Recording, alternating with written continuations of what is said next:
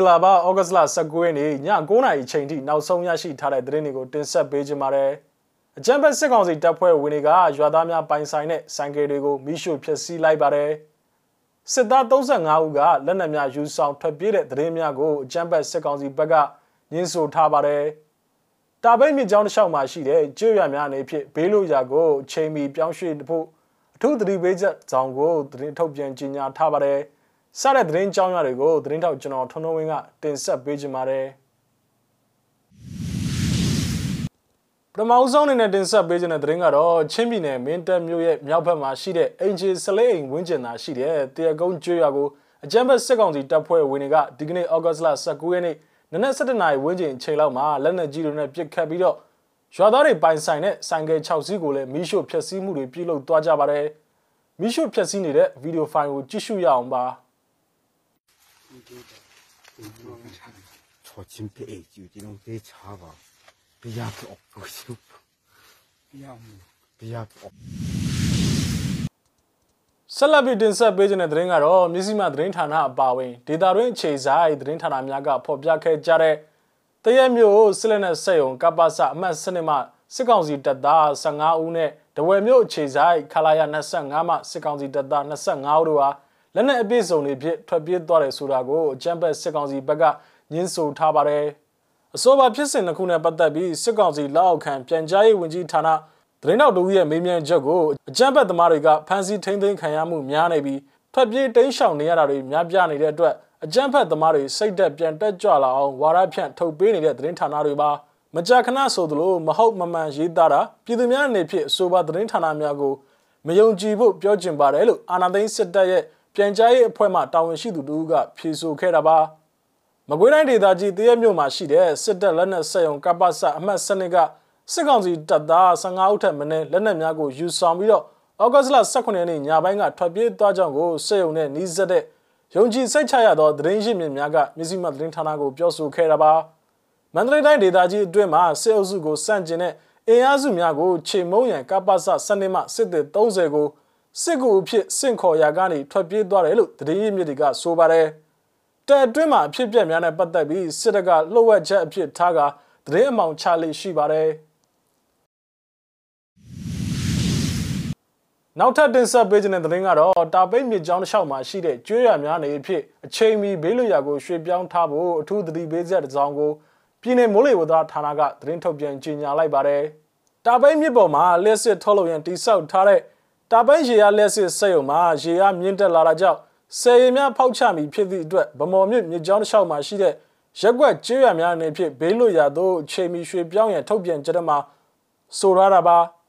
ရင်းကဲ့သို့ဖောက်ချလိုက်သည့်ရေအတွက်နောက်ထပ်10နာရီအတွင်းမှာဗမော်မြို့သို့ရောက်ရှိလာနိုင်ကြောင်းကိုပြည်내မိုးစလကသတင်းထုတ်ပြန်ခဲ့ပါတယ်အခုရက်ပိုင်းအတွင်းမှာတာပိန်းမြစ်အထက်ပိုင်းမှာမိုးတိတန်စွာရွာသွန်းခဲ့သည့်အတွက်တာပိန်းရေအားလဲစစ်စက်ရုံရဲ့ရေလောင်ဆယ်မှာတတ်မှတ်ရေအမှတ်ထက်ကျော်လွန်နေတာပါ ဗမော်မြို့ရဲ့စိုးရင်ရေမှတ်က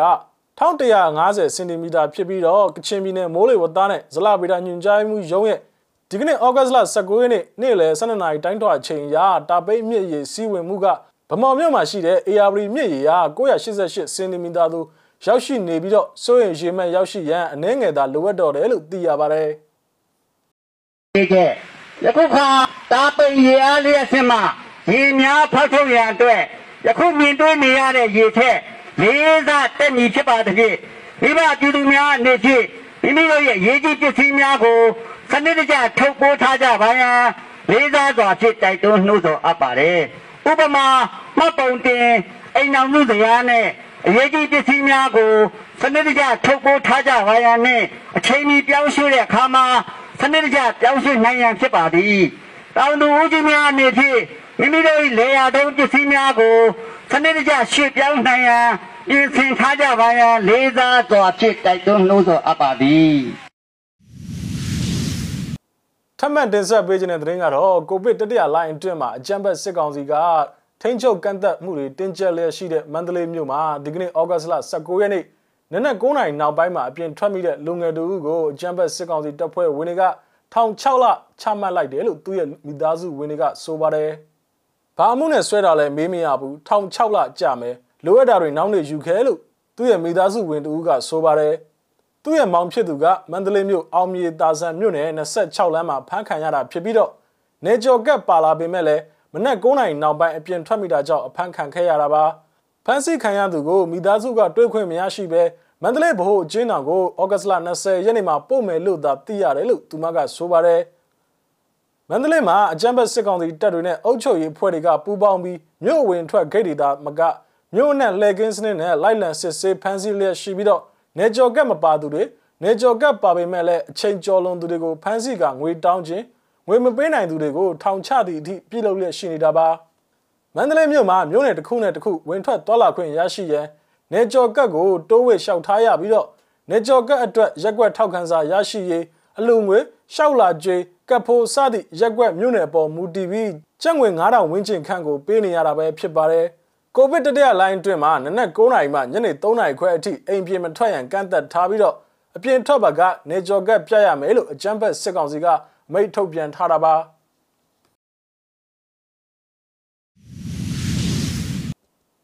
ဆက်လက်ပြီးတင်ဆက်ပေးခြင်းတဲ့သတင်းကတော့အာဖဂန်နစ္စတန်နိုင်ငံမှာ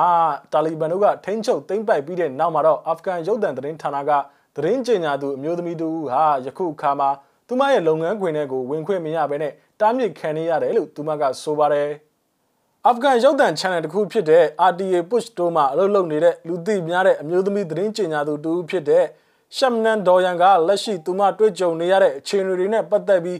ဗီဒီယိုတစ်ခုမှာထုတ်လွှင့်ပြောဆိုသွားခဲ့တာဖြစ်ပါတယ်။ သူမဟာပုံမှန်တိုင်းပဲရုပ်တက်ဖို့အတွက်အလုပ်ကိုသွားခဲ့ကြောင်း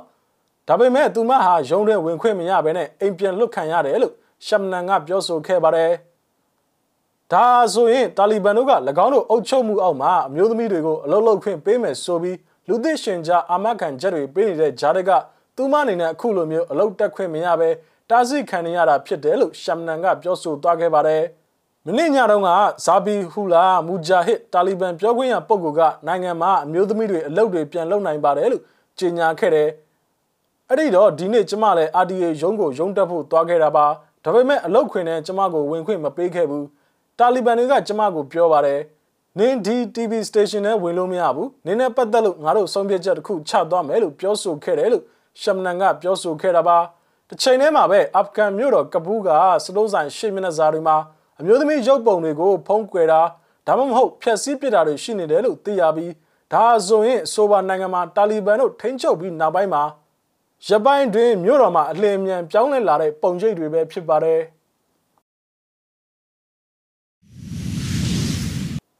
နောက်ဆုံးနေတဲ့တင်ဆက်ပေးခြင်းတဲ့သတင်းကတော့စစ်မိတ်နဲ့ပြစ်မိတ်ကိုမကြောက်ကြောင်းပြသသည့်မန္တလေးမြို့ခံအမျိုးသမီးတွေ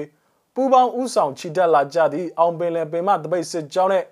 ဘာသာပေါင်းစုံတပိတ်စစ်ကြောင်းတို့ဟာဒီကနေ့ဩဂတ်လ19ရက်နေ့ညနေပိုင်းအချိန်ကမန္တလေးမြို့တနေရာမှာအကြမ်းဖက်စစ်ကောင်စီကိုစန့်ကျင်ကြောင်းချီတက်ဆန္ဒပြခဲ့ကြပါတယ်။တစ်ဆက်တည်းမှာပဲမန္တလေးတက္ကသိုလ်ကျောင်းသားကျောင်းသူတွေကလည်းကျွန်တော်ကမှအမာဆုံးကဒူးပဲဘယ်တော့မှမထောက်ဘူးလို့ကြွေးကြော်တံများဖြင့်မန္တလေးမြို့တနေရာမှာလမ်းလျှောက်ချီတက်ဆန္ဒပြခဲ့ကြပါသေးတယ်။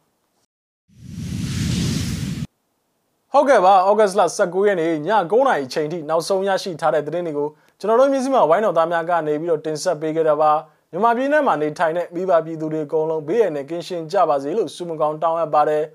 လက်ရှိဖြစ်ပွားနေတဲ့ COVID-19 ကပ်ရောဂါနဲ့ပတ်သက်ပြီးအထူးကူးဆိုင်ကြဖို့ကိုကျွန်တော်တို့မျိုးစိမဝိုင်းတော်သားတွေက